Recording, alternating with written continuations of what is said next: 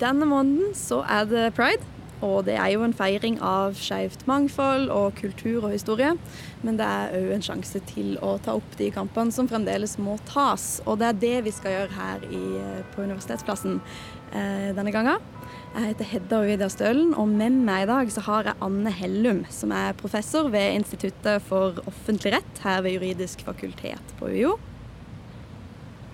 Her i Norge er vi så utrolig homogene, så alt som er utenfor, blir kritisert veldig. Eh, og det tror jeg skrem, skremmer veldig mange minoriteter, spesielt homofile, fra å eh, delta i den offentlige debatten. Og det er også sånn man får eh, både opplyst om hvordan den diskrimineringen er i samfunnet, og også hvordan man kan gjøre noe med den. Jeg har jo fulgt eh, likestillings- og diskrimineringsfeltet helt siden lov om likestilling mellom kjønnene fra 1978. Og da var det Den handlet om heterofile kvinner og heterofile menn. Mm. og eh, så kom jo da et generelt forbud mot diskriminering på grunnlag av seksuell orientering, kjønnsidentitet og kjønnsuttrykk i 2013. Etter bl.a. press fra internasjonale menneskerettighetsorganer mm. og europeiske. Og eh, det som slår meg da når det gjelder bruken av denne, eh, dette nye diskrimineringsforbudet, eller relativt nye, det er jo at det er veldig få saker som blir klaget inn av lesbiske kvinner. Hovedsaken, hovedantallet av saker, det gjelder homofile menn eller transpersoner. Og jeg har jo lurt mye på hva hva handler dette om? Og vi ser akkurat det samme når det gjelder søknader om asylstatus for forfølgelse på grunnlag av seksuell orientering og kjønnsidentitet. Flestparten av søkerne der er homofile menn eller transpersoner. Og det er veldig lite forskning som går på lesbiske kvinners eh, stilling. Selv om vi vet på en måte at diskrimineringen rammer homofile, transpersoner, intersexpersoner og lesbiske på forskjellige måter. Og mitt eh, innblikk i dette har i grunnen kommet nå i senere år. Og det har vært via samarbeid, forskningssamarbeid med Juridisk rådgivning for kvinner. For de har fått eh, flere og flere saker fra lesbiske kvinner. Og mange av disse sakene gjelder morskap, det gjelder uh, foreldrestatus uh, som foreldre. Mm. Og én sak som virkelig viser uh, dette, det er jo da en sak som gjaldt to lesbiske medmødre. Som du vet, så kan jo kvinner nå få barn sammen. Mm. Fordi etter den nye eh, kjønnsnøytrale ekteskapsloven, eller ikke så ny, så fikk jo også lesbiske og homofile adgang til assistert befruktning. Så når to lesbiske kvinner får barn sammen med hver sin sæddonor, så kan de få barn samtidig. Og de blir medmødre til hverandres barn. Og Eh, saken med disse to medmødrene da, som henvendte seg til juridisk rådning for kvinner, var at de hadde fått nedkortning i foreldrepengene fra Nav. Ja. Og fordi disse, dette regelverket er jo utformet slik at, eh, at rettighetene avhenger av at det er ni måneder mellom hvert barn. Og disse to kvinnene fødte jo med tre måneders mellomrom. Ikke sant, det... Man kan til og med når man er lesbisk så, så kan, av gift, så kan man jo få barn samtidig med hver sin donor. Ikke sant. Og de klaget jo denne saken da med JURKs hjelp inn til Trygderetten, mm. men fikk ikke medhold. Og Trygderetten tok ikke stilling til om dette var diskriminering på grunnlag av seksuell orientering. Og, og dette er jo en veldig viktig prinsippsak. fordi denne lovgivningen er jo utformet med utgangspunkt i heterofile foreldres situasjon. Mm. Det Men det finnes jo ikke. Det er jo ikke bare det vi nei. har her. Nei. Og, og, eh, den eh, skrubber mot eh, likestillings- og diskrimineringslovens diskrimineringsforbud. Og de vil jo gjerne få prøvet dette ut, men de for å få en sak opp for lagmannsretten, så trenger man å ha fri rettshjelp. Og det er altså ikke fri rettshjelp i diskrimineringssaker.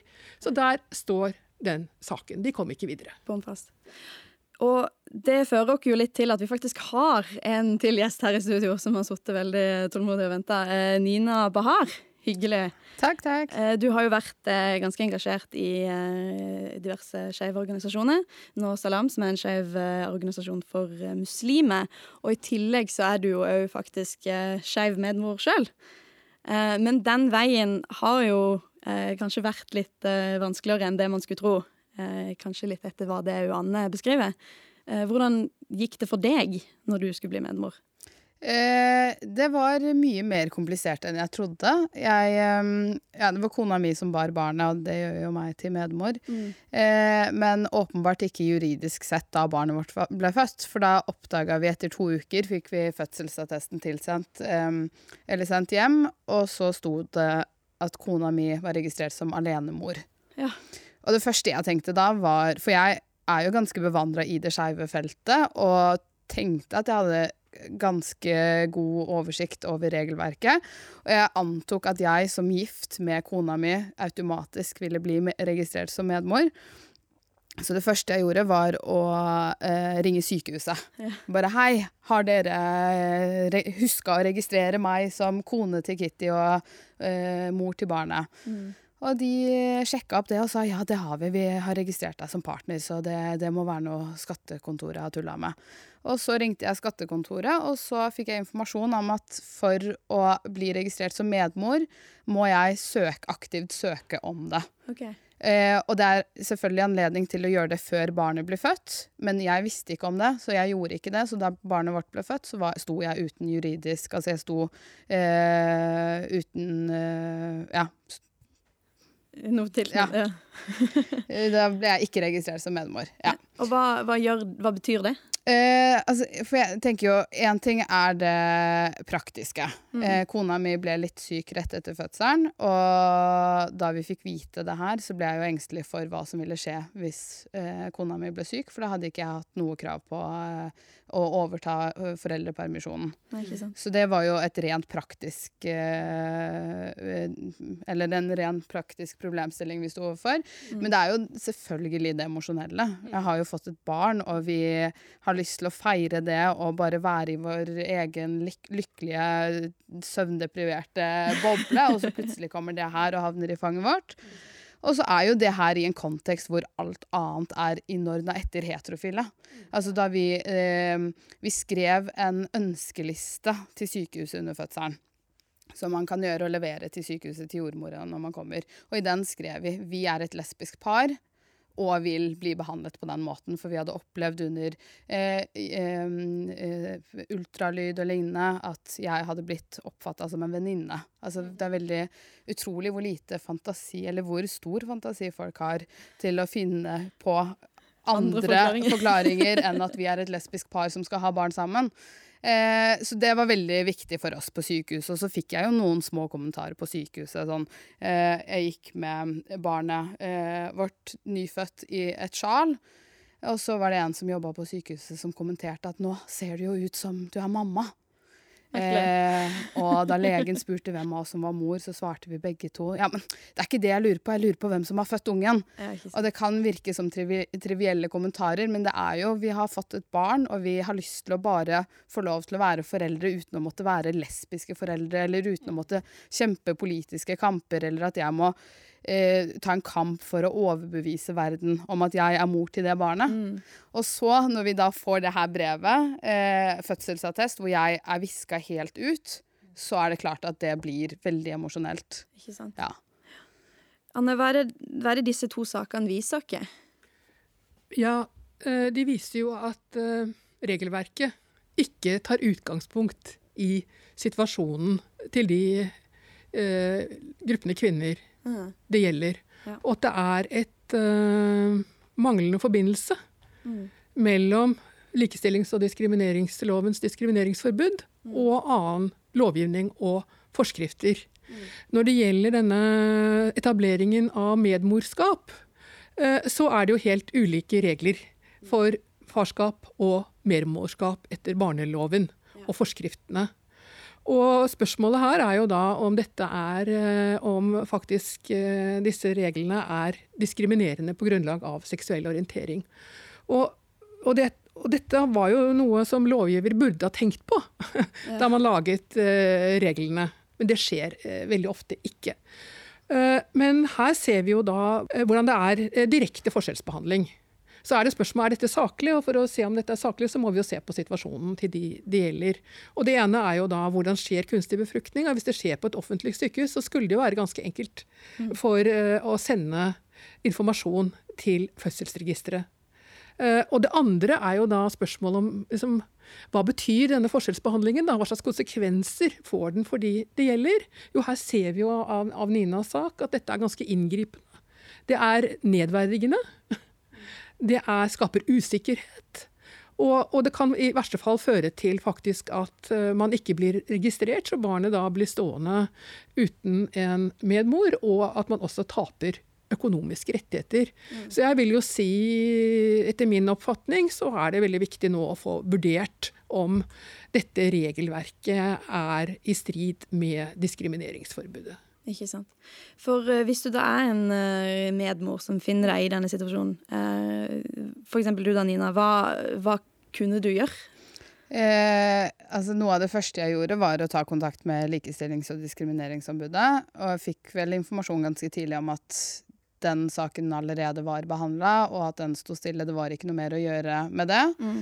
Eh, og så pusha jeg vel litt på, tror jeg. Eh, så det siste jeg hørte fra dem, var at OK, det her kommer vi til å følge litt videre opp.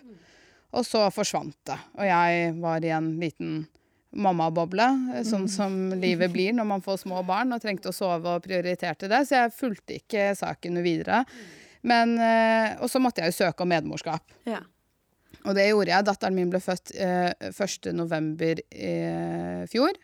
Og så var det vel først i februar, tror jeg, at jeg fikk innvilga medmorskap. Ikke sant? Ja. Og da var det først en søknad jeg sendte, men så mente de at det var manglende dokumentasjon. Eh, så da måtte jeg ettersende dokumentasjon. Og det var jo veldig ubehagelig, for jeg satt jo der og venta på eh, at jeg også skulle bli anerkjent som mor til barnet mitt. Ja, Både juridisk, men også Det blir jo igjen tilbake til det emosjonelle når man i utgangspunktet må, eh, må kjempe for at verden skal anerkjenne at vi er et lesbisk par med et barn. Ja. Mm. Og òg i den eh, økonomiske saken. Eh, det virker jo som det er litt umulig å komme ja, seg ut av det. Det er ikke så lett å få fram uh, klager. Uh, Nina er jo ikke den eneste som har henvendt seg til uh, Likestillings- og diskrimineringsombudet. Det har jo vært andre saker som har vært oppe. Men de har vedrørende forskjellsbehandlingen av medmødre og, og, og, og farskapsregler.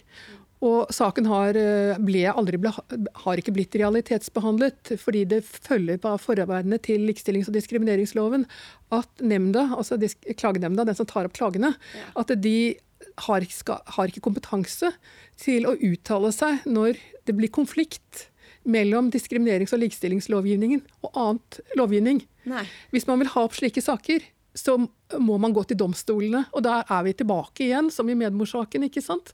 At det er ikke fri rettshjelp i diskrimineringssaker, så da kommer ikke sakene opp til, til og Går ikke oppover i, i, i, retts, i rettssystemet. Mm. Og dette går veldig sterkt utover eh, de som eh, har uavklarte rettigheter. Og mm. særlig da situasjoner hvor det er hastverkslovgivning. Altså Sånn som den nye loven, eller den loven om, som forbød diskriminering pga. seksuell orientering, kjønnsuttrykk kom. Så var det på en måte Den kom kjapt. Den kom sammen med reform av tre-fire andre diskrimineringslover. Og det var ikke nedsatt et offentlig utvalg som foretok en grundig utredning, slik som det var når man fikk diskrimineringsloven mot Eh, for eh, mennesker med funksjonsnedsettelse. Eller, eller, eh, lov mot etnisk diskriminering. Det var en hastelov. Ja. og dette ser vi jo nå. Det slår tilbake fordi man fikk ikke foretatt de nødvendige utredninger av forhold til annen lovgivning. Personlig så har jeg jo holdt i hånda til hun jeg vil holde i hånda til. Og er over. Blitt stoppa, blitt trua, eh, jaga etter og alt det her. Og spesielt under pride. For da er folk litt ute på gata for å i hermetegn finne oss og gi beskjed om at dere ikke er OK. Så jeg tror det går mer på enkeltmennesket og synene folk har på ting. Og rett og slett, det er jo ikke noe å bry seg så veldig mye om hvem en er med, så. Reformer skjer. Når det blir konflikter mellom denne loven og andre lover, så, så er det slik at uh, enten så må man få tatt det opp via at man når frem i domstolsapparatet. Ja. Eller så må man liksom nå frem ved å få til lovendring i andre lover. og Da er det politikerne. Men nå ligger jo denne saken, i hvert fall når det gjelder registrering av foreldreskap, den ligger nå hos barnelovutvalget. Ja. Så vi håper jo at de kan få til eh, og utredet eh, en tilfredsstillende ordning når det gjelder å likestille eh, ulike typer eh, etablering av ulike typer foreldreskap. Ikke sant. Men det er jo helt sjukt. Altså, det er jo helt sjukt at du, at du som et lesbisk par har andre eh, krav for å få juridisk rett til barnet ditt. Ja. Det er jo helt merkelig. Ja, ja. Jeg, skjønner, jeg skjønner jo ikke noe logikk i det. Nei. Nei da, og selv om eh, altså, fysikken og biologien og måtene eh, befruktning eh, skjer på, er forskjellig. Ja, ikke Så skulle, så skulle det jo ikke være noen grunn til at man ikke kan tilrettelegge, slik at Ja. det blir eh, lik behandling eh, når det gjelder etableringen av foreldreskapet. Mm. Ja, men for det er jo ikke nødvendigvis at det er ulik måte å få barn, for de aller fleste som får assistert befruktning, er jo heterofile Ja, par. ja da. Eh, og de, der er det ikke noe krav til Nei, at far nei, må nei, nei. eh, aktivt søke om farskap. Nei, ikke sant. Og det samme hvis man får eh, assistert befruktning i utland, innland, det spiller ingen rolle. Den, altså er du gift med den fødende, Mm. så blir du automatisk Ja. registrert som far, men Ja. det blir du ikke som lesbisk. Og det er jo, eller jeg er jo ikke noe jurist, men jeg ser jo det Mm. Ja. åpenbare, diskrim, den åpenbare diskrimineringa i det her, da. Ja da. Nei, det er vanskelig å finne en saklig grunn. Ja. Ikke sant. Um, men eh, Nina, eh, i din reise til å bli medmor, så var det jo ikke bare dette med registrering av medmorskap som var et problem. Nei, det ville vært for lett. Nei, ikke sant? Eh, Du møtte jo òg på et problem når det kom til å få deg en donor. Mm. Kan du fortelle litt om hvordan det gikk seg til? Ja, øh, jeg er brun, som Ja. dere kanskje ikke ser, dere som hører på det her. Eh, og kona mi er hvit, og vi bestemte oss for at vi ville ha en donor som matcha oss begge. Og siden kona mi skulle føde barnet, så ville vi ha en brun donor. Og så ringte vi til Rikshospitalet og antok egentlig at det ville la seg gjøre. Men så fikk vi beskjed om at de ikke hadde noen brune donorer. Nei. Så det kunne vi ikke få. De kunne kanskje finne noen med brune øyne, men eh, mer var det ikke å gjøre. Og så skjønte jeg etter hvert at jeg ikke var den eneste som opplevde det her. Eh, men vi bestemte oss da, i stedet for å kjempe igjen, så bestemte vi oss for å gjøre det privat. Altså gå til en privatklinikk. Mm. Så vi betalte jo langt mer enn det vi ville gjort hvis vi hadde fått det tilbudet av det offentlige. Ikke sant? Mm. Ja. Eh, fikk du noe svar på hvorfor det var sånn at eh, Rikshospitalet ikke kunne Ja, de har rett og slett veldig få donorer, og de hadde ingen eh, rasifiserte donorer. Og de har generelt ganske eh, lite ressurser avsatt til rekruttering. mm. Og det jeg fant ut av senere, er at de bl.a. rekrutterer på eh, blant bloddonorer. Mm. Og det er velkjent at veldig mange av oss som ikke er født i Norge, eller som har bodd mer enn fem år sammenhengende i f.eks. afrikanske og asiatiske land, ikke har anledning til å donere blod. Så det er jo en effekt av, eh, om ikke villet, så, øh, så, så eh, en strategi. En Ja. rekrutteringsstrategi. Mm. Og så har de jo antageligvis fått ganske mange henvendelser pga. det, men også der står vi stille. Mm. Det er ingenting som har skjedd siden da. Mm. Jeg kjenner også et heterofilt par som sitter i det akkurat nå, Mm. eh, som ønsker å få assistert befruktning, men som også har valgt å gjøre det privat fordi at eh, sædbanken, altså, eller Rikshospitalet, ikke kan tilby eh, rasifisert donor. Nei, ikke sant? For dette her vil jo ikke da bare være en skeiv problemstilling. Nei. Dette er jo en problemstilling for eh, alle. Mm. Ja. Og kanskje i større grad heterofile, for det er langt flere heterofile som får assistert befruktning og bruker donorsæd enn det er uh, skeive. Mm. Ja. Men eh, Anne, hva tenker du om denne uh, problemstillinga? Ja, nei, her ser vi jo uh, igjen et eksempel på direkte forskjellsbehandling. Ja. Eh, eh, og, uh, og det er jo vanskelig å se at det er noen saklig grunn til at eh, de som er hvite, skal kunne ha skal få eh, en sædgiver som er hvit, og at eh, norske borgere som er brune eller svarte, ikke skal kunne få en donor eh, som, er, eh, som har deres egen eh, hudfarge. Så det er jo ren, dette er jo ren forskjellsbehandling på grunnlag av rase eller etnisitet. Så spørsmålet blir jo da, altså selv om det ikke er noen rett til å få assistert befruktning, når man først har et tilbud, Ja. eh, og det er en offentlig tjenesteytelse, eh, så må man jo behandle eh, alle brukere eh, likt. Og så da er spørsmålet er det noen saklig grunn Mm. til dette. Og som jeg, jeg forstår, så er det da, har man da påberopt seg at, at det er økonomiske ressurser, eller at det er vanskelig å få tak i, i, i uh, sæddonorer som ikke er eh, hvite. Men, eh, men jeg syns det er vanskelig å se at, det er, at dette er en saklig grunn. Her er, snakker vi om direkte forskjellsbehandling. og det skal veldig mye til eh, for, å, for å, at eh, forskjellsbehandling på grunnlag av direkte, direkte forskjellsbehandling skal anses som, som saklig. Så her tror jeg nok Rikshospitalet må ta en runde til å, og revurdere sin eh, praksis og ressursbruk. Mm. For igjen med dette, hva kan man eh, gjøre da, når man står i denne posisjonen, for å prøve å finne litt svar? Eh, har man noen rettigheter eller muligheter for å ta dette videre? Altså vi, jeg, skrev, jeg skrev en kronikk, og så gikk vi til en privat klinikk og Mm. fikk eh, hjelp der. Og så har jeg ikke gjort noe mer med det. Men Nei. jeg mm, burde jo sikkert gjøre det. Mm. Ja, hva burde jeg gjøre? Ja, nei, dette kunne jo også ha, blitt uh, klaget inn til Diskrimineringsnemnda. Det er jo et lavterskeltilbud, slik at man kan komme inn med en uh, skriftlig klage, og så vil Det er gratis. Og da vil saken uh, bli behandlet av nemnda, som hjelper til å få den opplyst. Ehm, så det er jo én mulighet. Eh, Det andre er jo da at politikerne Ja.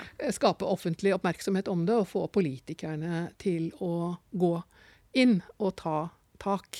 Mm. Um, når det gjelder litt mer generelt, eh, det vi har sett med alle disse sakene, er jo ikke sant at eh, vi har fått et diskrimineringsvern Ja. i 2013, og som da, og, men som det har ikke blitt fulgt opp gjennom eh, gjennomgang av lovgivning og praksis.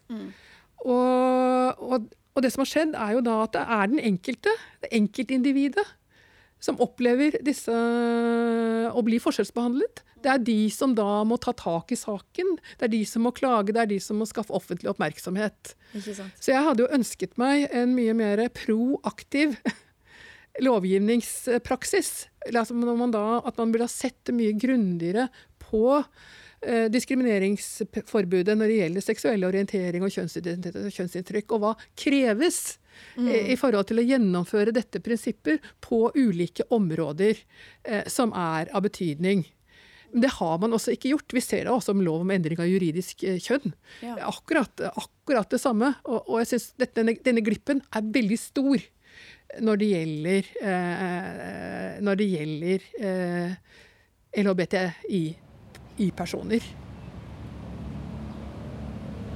folk sine holdninger. Det, det tar jo lang tid før det endres òg, og det tar jo tid for folk å kanskje omstille seg for ting, spesielt den eldre generasjonen som på en måte ikke er oppvokst med at homofili kanskje er så vanlig rundt dem. Så tar det jo tid før holdninger endres, da. Så jeg hadde jo ønsket meg nå, eh, i hvert fall sånn helt konkret, at barnelovutvalget eh, tar tak liksom, i saken som gjelder eh, registrering av medmorskap, slik at man får en reell likebehandling når det gjelder det. Jeg ville ønsket meg at politikerne tar tak når det gjelder økonomiske rettigheter eh, og foreldrepenger for eh, medmødre, eh, slik at man kan få rettet opp det. Og jeg hadde ønsket meg eh, Her er det også et annet hull, og det gjelder rettighetsinformasjon til, eh, til, eh, til medmødre. I hele svangerskaps- og fødselsprosessen. Ninas sak viser jo også at det er ikke noe, er ikke noe gjennomført eh, system for å gi eh, folk den informasjonen de trenger om praktiske og rettslige ting og økonomiske ting rundt eh, denne prosessen. Ja, for Nina, du, det er jo en ting at du sjøl er engasjert i eh, debatten, men det at du fikk heller ikke noe veiledning om dette under Nei. svangerskap. Nei, og det var det jeg syns var så merkelig. For jeg tenkte jo på at det er eh, Altså, jeg, jeg, jeg antok at det var en informasjon, en viktig informasjon jeg ville fått underveis i løpet av det ni måneder lange svangerskapet. Men ikke et eneste sted i løpet av den veien Nei. var det noen som fortalte oss at vet du hva, her er et veldig viktig skjema du Ja. må fylle ut, og Ja. fyll det ut før Ja. ungen blir født. Ja. Ingen som sa det. Hva skyldes det? De har ikke peiling. Nei, det er. Sykehuset visste Ja. det ikke, Ja. jeg visste det ikke, Ja. og de som jobber som jordmødre vet det antageligvis heller ikke. Mm. Nei, det er jo både et hull i utdanningen. Og i profesjonelle rutiner. Mm. Og så er det jo faktisk slik at det er en rett til rettighetsinformasjon. Mm. og staten har en plikt til å sørge for at alle får den rettighetsinformasjonen de trenger. Mm. Så her ser vi jo da et hull. Det er jo ikke slik at eh, folk eh, diskriminerer, diskriminering eller forskjells- forskjellsbehandling, det er ikke intendert. Nei. Eh, Men det skjer pga. mangel på kunnskap og mangel på eh, tilret tilrettelegging. Ikke sant. Uh, Så det som trengs nå, er enkelt sagt Mm. eh, en endring av lovverket? Ja. Rett og slett? Vi trenger en endring av lovverk, en, en, flere lover, Ja. og vi trenger en gjennomgang av rutiner i helsesektoren, og vi Mm. trenger en gjennomgang av uh, rettighetsinformasjon i forbindelse med særlig da foreldreskap. Mm. Eh, Er det noe dere har lyst til å eh, legge til, som dere føler er viktig for meg på tampen her? Ja, jeg syns det er veldig fint at eh, det er en anledning nå til, i, tilknytning til pride, Mm. å få løftet fram akkurat denne tematikken. og særlig da når det gjelder lesbiske kvinners diskrimineringsvern. For det har vært Der, er der, der syns jeg på LHBTI-feltet Jeg det er der det har vært det største hullet. Mm. Det er supert. Men da vil jeg bare takke deg, Nina, og takke deg, Anne, at, eh, for at dere kunne komme hit i dag og fortelle litt om eh, deres eh, opplevelse og dele det med oss. Eh, jeg heter Hedda Vidar Stølen. Dere har hørt på Universitetsplassen, og vi høres.